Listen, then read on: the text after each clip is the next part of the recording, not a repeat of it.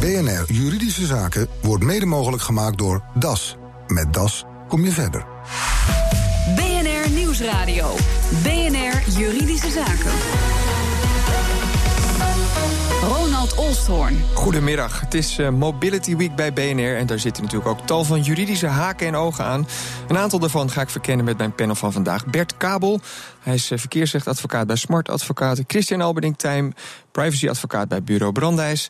En Steven van Eyck, voorzitter van de Vereniging voor de Rijwiel- en Auto-industrie, de RIJ. Van harte welkom, heren. Um, rekening rijden, kentekenregistratie, de zelfrijdende auto. Het komt allemaal voorbij, maar we beginnen even met het uh, tragische ongeval van eind vorig jaar alweer. Op de A2, Niel van der El en zijn dodemansrit. Onder invloed van drugs en met snelheden van ruim boven de 200 km per uur reed hij uiteindelijk in op een auto van een gezin. De vader overleed, vijf andere inzittenden raakten gewond, van wie twee kinderen verder blijvend gehandicapt door het leven moeten. Drie jaar cel en een uh, rijontzegging van vier jaar kreeg hij van de rechter opgelegd. De eis was acht jaar cel. Um, nu zal natuurlijk ook die straf te laag zijn voor de nabestaanden. Maar toch hoor je in heel Nederland van ja, hoe is het mogelijk? Vindt u dat ook, meneer Kabel? Uh, gevoelsmatig ben ik het daarmee eens. Uh, juridisch denk ik dat de rechtbank een juiste uitspraak heeft gedaan. En ik kan het ook uitleggen. gevoelsmatig zeg je natuurlijk van ja, drie jaar voor zo'n ernstig ongeval is een veel te lage straf. Juridisch is het zo dat de officier van justitie had doodslag ten laste gelegd. Doodslag heeft de rechtbank niet bewezen geacht. En dan kom je uit bij de verkeersrechtelijke bepaling in de Wegenverkeerswet. En daar staan veel lagere strafmaxima op. Uh, voor dit feit, wat de rechtbank bewezen heeft verklaard, staat drie jaar. Dat kunnen ze nog één keer verhogen met de helft. Dat is 4,5 jaar max. En de rechtbank heeft drie jaar opgelegd. Dus voor dat feit is dat wel een redelijk zware straf. Maar je hebt toch ook nog zoiets als voorwaardelijk opzet in het recht? Dus eigenlijk zou je kunnen zeggen, als je met drugs op en ook nog eens met 237 km per uur ja, de snelweg op gaat, misschien doe je een, een paar ontwijkmanoeuvres. Maar je neemt toch eigenlijk de kans voor lief dat het misgaat? Ja, maar het is zo dat de Hoge Raad die heeft al een hele tijd geleden het Porsche-arrest uh, gewezen. Het was een, enigszins vergelijkbare situatie. En daar heeft de Hoge Raad uitgemaakt dat het voorwaardelijke opzetten is dan bewuste aanmerkelijke kans aanvaarden dat jij zelf ook het leven leidt en, laat. En uh, dat heeft de rechtbank getoetst. En de rechtbank heeft gezegd: hij heeft niet bewust de aanmerkelijke kans aanvaard dat hij zelf ook het leven zou laten. Ja, en dan kom je dus niet toe aan uh, een bewezen verklaring voor opzet. Ik zie Steven van Eyck van de Rij nee schudden. Nou ja, in die zin, uh, kijk, juridisch staat het verhaal natuurlijk als een huis en, en complimenten daarvoor. Maar de, de openingszin, hè, dat je in heel Nederland zegt: dit geeft geen goed gevoel. Dit is niet rechtvaardig. En dan toch blijkt dat die uitspraak wordt gedaan en met redenen omkleed. En hij zal best in ons rechtssysteem passen. Maar ja, dat gevoel moet toch eigenlijk overeenstemmen met de uiteindelijke straf. Anders is toch niet de juridische vormgeving in het systeem een afspiegeling van wat wij in de samenleving willen. Dus ik denk toch dat je nog eens zou moeten kijken naar hebben wij het nu juridisch zo geregeld als overeenkomt met ons gevoel. Wat vindt de specialist op dit gebied? Dan zal, denk ik, de wetgever aan de slag moeten. En de wetgever zal dan de strafmaxima in de Wegenverkeerswet moeten verhogen. Dus dat, dat zal moeten zijn. Of de Hoge Raad zal om moeten gaan en zal moeten zeggen dat uh, opzet sneller wordt aangenomen. Maar dat zal grote gevolgen hebben ook voor andere zaken. Dus dan is de politiek eigenlijk gewoon aan zet. Maar het is wel, um, ja, de, de rechters in het land hebben in die zin. moeten ze dit misschien nog weer beter uitleggen dan? Want ja, je krijgt nu overal brieven van, ja, hoe is het mogelijk, weet je wel? Dat, dat klopt, uh, maar ik denk dat hier ook een taak voor de officier van justitie ligt. We hebben dat eerder meegemaakt in Roermond. Hè, de Roermondse zaak waar een vader een stoel uh, door de rechtszaal heeft gegooid. Uh, het is ook een taak voor de officier, want als de officier acht jaar eist omdat er sprake is van doodslag volgens de officier, moet de officier natuurlijk toch ook rekening mee houden dat je daarbij natuurlijk wel naar de samenleving zegt, wij gaan voor die acht jaar. En op het moment dat het juridisch allemaal niet zo sterk ligt, loop je dus wel een risico dat de samenleving dan ook heel verontwaardigd gaat reageren zoals het nu zo is. Verwachtingenmanagement. Uh, ja. Christian Albert Ding Tijm nog even, niet als specialist in deze tak van sport, maar uh, wel natuurlijk als advocaat. Hoe kijk jij naar dit soort zaken en ook nou, voor het aanzien van de rechtsstaat, om het zo maar even te formuleren? Ja, het is natuurlijk een enorm verdrietige kwestie. Uh, en ik, kijk, de, als ik de discussie zo beluister, dan vind ik het criterium dat de Hoge Raad hanteert voor voorwaardelijke opzet, hè, dat je zelf het leven moet laten, of dat je die aanmerkelijke kansen hebt genomen, vind ik een vreemd criterium. Hè. Dus ik zou zeggen dat dat past niet. En zeker in deze situatie zou je dat niet zo moeten toepassen. Oké, we gaan het hebben over iets heel anders. Rekening rijden namelijk, want gaat het er ooit nog van komen en in wat voor vorm? Ja, gelijk maar even twee vragen voor u, meneer Van Eyck. Ik denk dat het uh, iets is wat zo logisch past bij de ingeslagen weg van enerzijds het afschaffen van de BPM, dus de belastingheffing op het bezit van auto's en het veel meer gaan belasten van het gebruik. En anderzijds dat je in Nederland wil zorgen dat wij weer een beetje gaan doorrijden. Ook vanochtend weer, alles staat muurvast, dat wordt alleen maar erger. Dus wij willen die files niet. Dat is slecht voor de economie, het is ook slecht voor het milieu.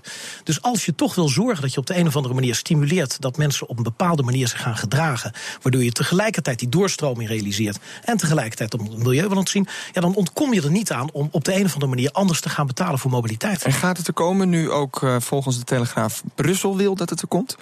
Ja, je ziet langzamerhand wel een enorme kentering. Want toen wij daar eh, zeg maar een half jaar geleden over begonnen, zei iedereen van ja, je bent gek. En we hebben daar een commissie over laten nadenken. En eh, toen heeft iedereen toch gezegd dat moet je niet doen.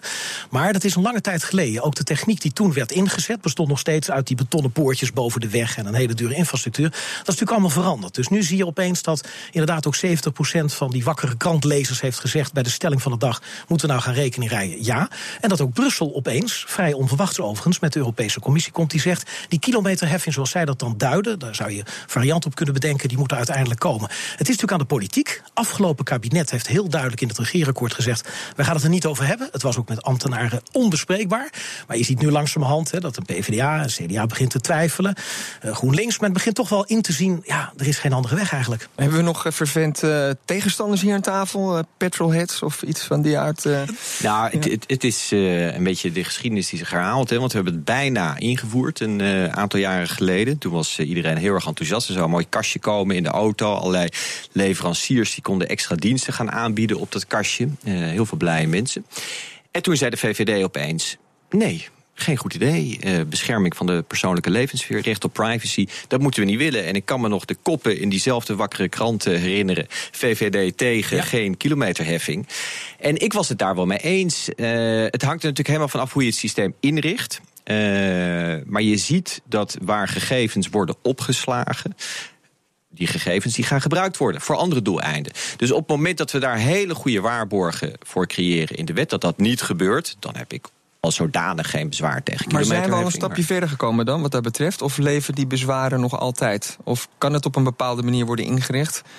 Waarbij je kan het niet in het geding Je kan dat vanzelfsprekend op een bepaalde manier inrichten. Maar ja, Van der Steur die wil nu ook dat uh, kentekenfoto's vier weken worden bewaard. Omdat het handig is uh, voor allerlei handige strafrechtelijke doeleinden het is de ervaring leert dat op het moment dat je een systeem creëert, of het nou opslag van uh, telecomgegevens, van je mobiele telefoon, je internetgegevens zijn, kentekengegevens, cameratoezicht en ga ze maar door. Zodra je een databank creëert met dat soort gegevens, dan gaat het gebruikt worden voor andere doeleinden. Dus dat is het risico hier, ondanks het feit dat het idee aan zich en met name ook de innovatieve mogelijkheden die je eraan kan koppelen, uh, mij heel erg aanspreekt. Meneer Kabel, als verkeersrechtdeskundige, ziet u nog uh, beheren op de weg in deze? Ja, zeker. Ik, ik, ik ben het ermee eens dat je het risico loopt dat het misbruikt gaat worden.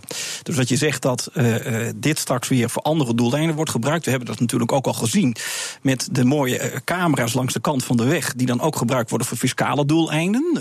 dat men gaat zeggen van we gaan controleren op andere doeleinden. Dus ik ben daar heel erg bang voor. En als je dat ook nog eens in Europees verband wil gaan regelen, wat dan? Dan wordt het helemaal, want dan is het dus zo dat als jij bijvoorbeeld Italië rijdt, dat de Italiaanse overheid de beschikking krijgt over jouw gegevens. Dus men kan dan precies nagaan waar jij in Europa bent, hoe jij je beweegt, waar je rijdt. Eh, en als er ook nog een Europees systeem zou komen eh, van eh, die, die kilometerheffing, ja, dan wie gaat dat beheren, die gegevens? Komt er een Europese autoriteit, noem het maar op. Dus ja, ik zie nog wel wat beren op die weg. Meneer Van Eyck? Nou, het is natuurlijk wel een beetje de taak van jurist om weer op de weg te zijn. ik vind het te zien. En ik ben natuurlijk als rechtgeaard econoom ook geïnteresseerd in de economische effecten en wat je er wel en niet mee kan. Kijk, die privacygevoeligheid die is er. Dus je moet het afdekken. Hè. En het is terecht, eh, Christian zegt dat eigenlijk ook al. Zorg nou dat die informatie bij een autoriteit komt, welke dan ook, die daarmee doet wat je moet doen. En die dus niet dingen gaat doen waar je niks mee kan. Hè, of waar je niet van wil dat het ermee gebeurt. Ja, die overheid is een soort van rupsje nooit genoeg. Dat, ja, dat precies. Dus het is ook de vraag of die trusted eh, partner die je daarin zoekt, wel de overheid zou moeten zijn. Uh, nou, schot voor de boeg, ik denk het niet. Ik denk dat je met elkaar tot consensus moet komen. Dat er een partij is en die verzamelt die data. Die worden gebruikt op een geanonimiseerde wijze. Dat kan tegenwoordig. Dus je weet alleen, die auto heeft uh, op dat soort momenten over dat soort wegen uh, gereden. Dus met andere woorden, daar kan je van zeggen van nou, dan kan die heffing daarop worden afgestemd. Een heffing overigens die is een totaliteit omlaag moet. Hè. We betalen in Nederland veel te veel belasting op dit moment. Autobelasting is echt over de top. Even als zijweggetje. Want, want u komt hiervoor op, want u, u staat hier natuurlijk natuurlijk namens de autobranche. je zou toch zeggen dat niet iedereen in die hoek er zit te springen om zo'n systeem van kilometerheffing? Want? Nou ja, omdat je dan misschien sommigen voelen zich toch benadeeld ten opzichte van anderen in de transportsector bijvoorbeeld. Ik weet het niet, nou, omdat dat ze veel rijden en dus veel moeten betalen. Ja, oké. Nou, kijk, het eerste is eh, wat ik net wel even aangaf... dat het mij altijd weer verbaast dat je me in Nederland... betalen wij 20 miljard aan belastingen als automobilist. 20 miljard. Daar gaat 5 miljard van terug naar de infrastructuur. Daar zit overigens het spoor bij. En die andere 15 miljard die gebruiken wij om drie hele departementen overeind te houden. Nou, dat is wat over de top. Dus het wordt tijd dat het komend kabinet... Hè, wat ook ongetwijfeld een kleinere overheid met zich meebrengt... die van minder is, dat die begint met die belasting te verlagen. Ik denk aan het kwartje van Kok het is volgens mij dit jaar 25 jaar geleden dat dat ooit werd ingevoerd. Een tijdelijke verhoging door middel van het kwartje van Kok. Nou, laten we die nou eens teruggeven. Dan ga je het vervolgens verdelen. En daar moet je inderdaad rekening mee houden dat niet bijvoorbeeld kleine ondernemers daar de dupe van zijn. Of mensen die veel rijden, maar dat uit zakelijk perspectief moeten doen. Staat ongetwijfeld weer op de agenda van de verkiezingscampagne. Maar straks na de reclame gaan wij het hebben over de zelfrijdende auto en wie er opdraait voor de brokken. BNR Nieuwsradio. Juridische Zaken. Mobility Week bij BNR en dus een mobiel juridisch panel bij BNR Juridische Zaken. In de studio Bert Kabel, verkeersrechtadvocaat bij Smart Advocaten. Christian Alberding Tijm, techadvocaat bij Bureau Brandijs. En Steven van Eyck, voorzitter van de vereniging De Rai. Uh, van harte welkom nogmaals, heren. Uh, we hadden het voor de break al even over de kentekenregistratie door de politie. Dat gebeurt, en niet zo'n klein beetje ook. Uh, maar nu wil minister van de Steur van Veiligheid en Justitie die geregistreerde kentekens vier weken lang bewaren. Zodat ze nog weer ter beschikking van de politie staan om misdrijven op te lossen. Volgens mij had ik de indruk dat je daar niet een heel groot fan van was, uh, Christian nee. Alberding uh, ja, waarom is dat een, een onzalig plan volgens jou? Ja, dat is, dat is een bewaarplicht. Uh, die bewaarplicht hebben we gehad vanuit Europa voor de telecomgegevens. En die is in 2014, de richtlijn daartoe, is vernietigd door het Europese Hof. Tamelijk duidelijke taal. Het Nederlandse rechter heeft vervolgens de Nederlandse wet die die bewaarplicht invoerde ook vernietigd. En een van de redenen, van de vele redenen waarom die werd vernietigd was, was dat er geen onafhankelijk toezicht op was. Is heel opmerkelijk van de stuur die introduceert dit nu en die zegt nee, maar we gaan de officier van justitie die gaat toetsen of er inzage mag worden gegeven. Maar we weten al dat dat onvoldoende is voor onafhankelijk toezicht. Nou, er zijn nog een hele hoop andere redenen. Vier weken is toch niet zo heel erg lang dan, denk ik dan? Of nou, het gaat, gaat om de registratie van gegevens van alle burgers... ongeacht het feit of ze ergens van verdacht zijn. Dus dat is al een situatie die best opvallend is. En dat mag de zware criminaliteit bestrijden is een gerechtvaardigd doeleinde. Maar dan moet je er wel heel proportioneel mee omgaan. Dus je moet dat alleen maar doen voor zover dat noodzakelijk is. Eh, je mag dat niet langer bewaren dan noodzakelijk is. Uh, je moet onafhankelijk toezicht daarop hebben. Uh, je moet onderscheid maken tussen verschillende categorieën misdrijven, dus misdaden. Dus gaat van de steur weer nat, denk je? Ik vermoed het wel. Ja, die, die wet bewaarplicht die zag ook op uh, verdenkingen van uh, fietsdiefstal. Ja, dat is natuurlijk niet, uh, niet zo heel erg belangrijk om dan iemands gegevens op te vragen en te gaan gebruiken. En dan zegt de overheid: nee, maar dat doen we heel erg omzichtig, dat doen we niet zomaar. Maar ja, in de praktijk zien we het toch anders. Laatste onderwerp van vandaag, de zelfrijdende auto, heren. Daar zijn we al heel ver mee. Uh, nou ja, het kan ook heel erg misgaan, hebben we helaas ook al gezien. Dit voorjaar, een man in Florida die in een zelfrijdende Tesla uh, S zat. Uh, de auto die zag een vrachtwagen over het hoofd... en hij belandde uiteindelijk onder de oplegger van de vrachtwagen... en nou ja, overleefde dat niet in dit geval. meneer Kabel, ehm, u als verkeersrecht-specialist... is het in dit soort gevallen klip en klaar dat Tesla uh, verantwoordelijk is voor uh, nou, de schade die is veroorzaakt. Niet alleen nou, ja? Nee, het is niet, nee? niet, niet uh, klip en klaar. Het is zo dat de bestuurder blijft natuurlijk altijd verantwoordelijk voor het eigen rijgedrag. Maar wat je natuurlijk wel gaat zien, die techniek die gaat voort. Uh, en mensen gaan veel meer vertrouwen op de techniek van de auto. Dus dat betekent ook daar in Amerika, die man die was een film aan het kijken tijdens het rijden. En hij dacht, die auto die rijdt wel, die auto is feilloos. En hij heeft er niet, geen rekening mee gehouden dat die auto tegen een vrachtauto kon rijden. Dat is wel gebeurd. Ja, en dan krijg je natuurlijk allerlei... Maar die vertrouwde op de goede de, software van Tesla. Hij vertrouwde op de software van Tesla. En daar kun je dus niet altijd op vertrouwen. Dat is wel gebleken. En die man heeft het met zijn leven moeten bekopen. Ja, dat is natuurlijk wel uh, fors. Um, en ik kan mij voorstellen dat de nabestaanden van deze man uh, toch uh, met Tesla wel een bepaald gesprek willen voeren en wellicht aansprakelijk willen stellen. En dan staan ze wel sterk. Het, het is het Amerikaanse systeem. En het Amerikaanse rechtssysteem zit natuurlijk wel iets anders in elkaar dan het Nederlandse rechtssysteem. In Amerika kun je natuurlijk veel sneller uh, een fabrikant aansprakelijk stellen dan in Nederland. Dus in Amerika sluit ik niet uit dat Tesla hier wel een probleem krijgt. En mede vanwege dit soort onduidelijkheden bent u ook nog niet echt een groot fan, hè? Dat we met z'n allen over gaan stappen op de zelfrijdende auto. Nee, zeker niet. Uh, mede vanwege het feit dat die auto niet veilig is. De techniek kan heel goed zijn, uh, maar het, de praktijk laat gewoon zien dat daar fouten kunnen worden gemaakt in die techniek. En het gevolg is dan vrij groot. En uh, ik, ik bepleit ook wel vaker dat ik zeg: de overheid moet die campagne opvoeren. Als jij een auto hebt die die technische mogelijkheden heeft, vertrouw daar niet volledig op. Je blijft als bestuurder altijd verantwoordelijk voor die auto en hoe je rijdt. Meneer Van Eyck, namens de RAI. U kijkt hier anders tegenaan. Ja, in die zin dat ik me afvroeg of je dan eigenlijk ooit nog wel een trein in durft, durft te stappen. Want dat wordt allemaal computergestuurd. Of dat je ooit nog een lift in durft te gaan. Of wat dan ook. Want wat er in onze maatschappij met uh, computers wordt geregeld. Elk stoplicht wordt zo geregeld. Dus natuurlijk zijn er heel duidelijk opstartproblemen. En wat uh, is gebeurd, dat, dat is op geen enkele wijze goed te praten. Als dat inderdaad blijkt te liggen aan de techniek die erachter zit. Maar uh, uiteindelijk denk ik dat je veel meer baat hebt met technische instrumenten. die je uiteindelijk in staat stellen om die auto op de juiste wijze te besturen. Omdat die auto veel meer ziet en veel meer kan dan jij. Allereerst begint het er al mee dat hij volledig om zich heen, dus 360 graden om zich heen, alles kan waarnemen. Dat hij ook kan communiceren met zijn volledige omgeving. Als je nu naar platooning kijkt of je kijkt naar uh, alles wat ons eigenlijk ondersteunt in het afremmen op tijd, het gas geven op tijd. Maar dat komt omdat die auto moet, dat dan weet. moet juist wel weer iedereen overstappen op de zelfrijdende auto. Niet dan sommigen wel en sommigen niet. Want ja, dan, dat is natuurlijk ideaal, zeker. En er komt natuurlijk een tijd aan, laten we daar reëel in zijn, dat je echt je doodschrikt als er iemand een stuur aanraakt. Die, die, of dat dan 50 jaar, 100 jaar duurt, ik weet het niet. Maar die tijd komt eraan. Uh, misschien kunnen wij onze achterkleinkinderen al niet eens meer uitleggen dat je ooit zelf hebt gestuurd. Maar je moet wel degelijk zorgen dat je die maar, techniek de kans geeft. Ja. En wel alle uh, veiligheidsvoorschriften in acht nemen die er ook maar enigszins zijn in te dekken. Maar je ziet wel dat zeker met platooning en automated drive uh, op dit moment stappen worden gezet die veiliger zijn dan op het moment dat je daar als bestuurder zelf achter Dus zit. techniek de kans geven, misschien wat aan voorlichting doen? Of wat moet er geregeld gaan worden zodat ja, zo'n soort ontwikkelingen ook echt de ruimte gaan krijgen? Maar belangrijk is om te zien dat de techniek al zover is. Dus wij kunnen morgen, bij wijze van spreken, met een deel van het uh, autopark in Nederland kunnen we aan de gang met zelfrijdend. Dat moet je niet onmiddellijk willen, want dat moet je natuurlijk geleidelijk invoeren. Maar de uh, techniek die staat er klaar voor. De volgende stap is dat de wet en regelgeving, die natuurlijk altijd wat naelt in dit soort processen, die moet worden aangepast. En daar moeten we het met elkaar over hebben. En dat gaat over de uitwisseling van gegevens en de verantwoordelijkheden die je hebt.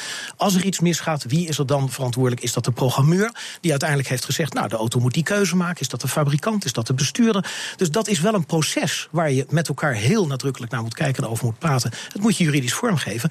Maar ja, Christian het is niet te ja, tegenhouden. Want hoe, Nou, hoe, ik- ik hoe zien denk- onze snelwegen eruit over 15 jaar? Ik denk een hoop zelfrijdende auto's. en ik denk, kijk, die veiligheid die werkt natuurlijk twee kanten op. Aan de ene kant is een zelfrijdende auto evident veiliger dan een gewone auto. Tegelijkertijd gebeuren er ongelukken. Maar ik las laatst een verhaal van een mevrouw die eh, lag op sterven, maar dankzij de zelfrijdende auto kon ze alsnog naar het ziekenhuis gebracht worden. Dus er zijn ook verhalen die de positieve kanten van de zelfrijdende auto laten zien. Ik denk dat we nu met z'n allen in een overgangssituatie eh, zitten. En dat we steeds meer verbeteringen zullen zien. Elon Musk, de, de, de eigenaar-oprichter van eh, Tesla, die baalt er ook ontzettend van. Dit soort verhalen, die ongelukken, die heeft zichzelf helemaal erop toegelegd om die veiligheid te verbeteren.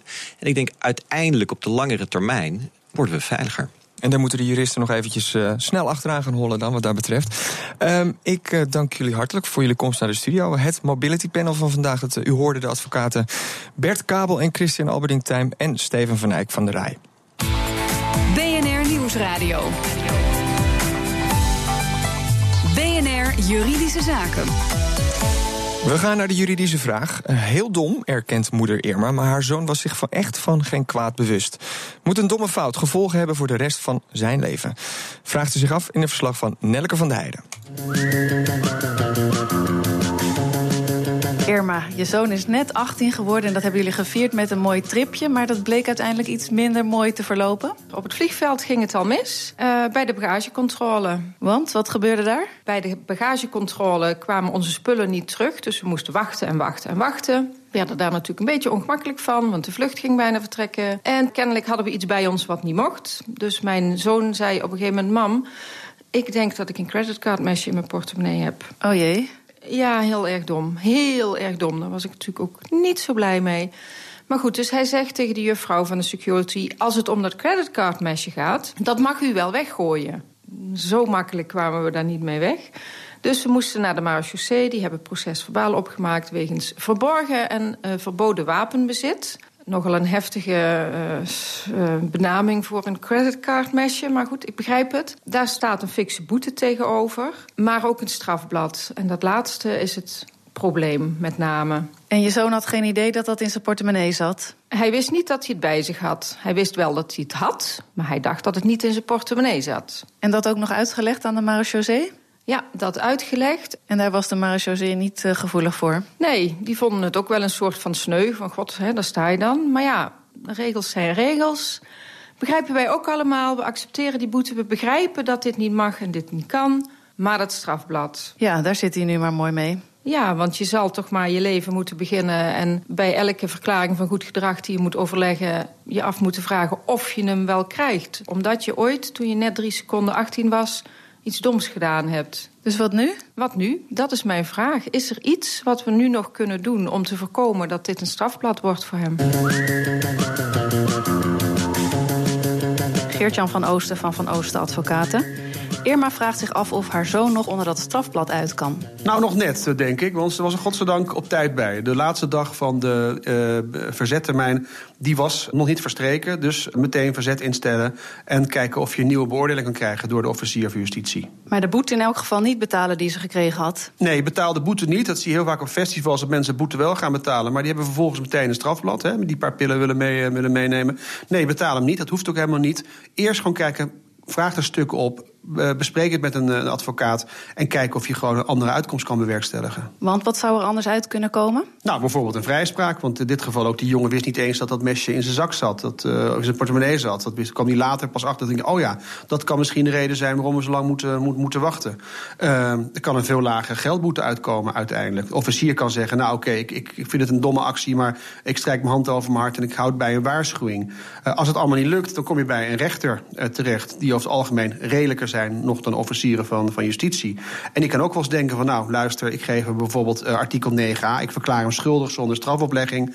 En een rechter, ook heel belangrijk, die kan bijvoorbeeld een hele lage straf geven, maar die kan ook opnemen in zijn vonnis dat hij zegt van ja, dit is een vervelend feit, maar ik vind dat deze jongen niet in de toekomst uh, via zijn verklaring omtrent gedrag hier nadeel van zou moeten ondervinden. Nou, dat heb je er mooi in zak zitten. Dus als je een VOG gaat aanvragen, dan kan je zeggen: luister, de rechter vindt in ieder geval dat ik hem moet krijgen. Ook al heb ik dit vlekje op mijn naam staan.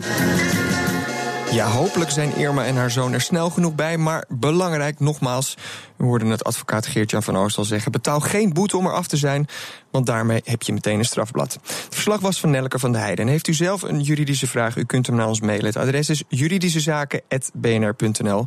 Dit was de uitzending voor vandaag. U kunt hem nog eens terugluisteren, de show, via bnr.nl slash juridische zaken. Mijn naam is Ronald Olstorn. Tot de volgende zitting. BNR Juridische Zaken wordt mede mogelijk gemaakt door DAS. Met DAS kom je verder.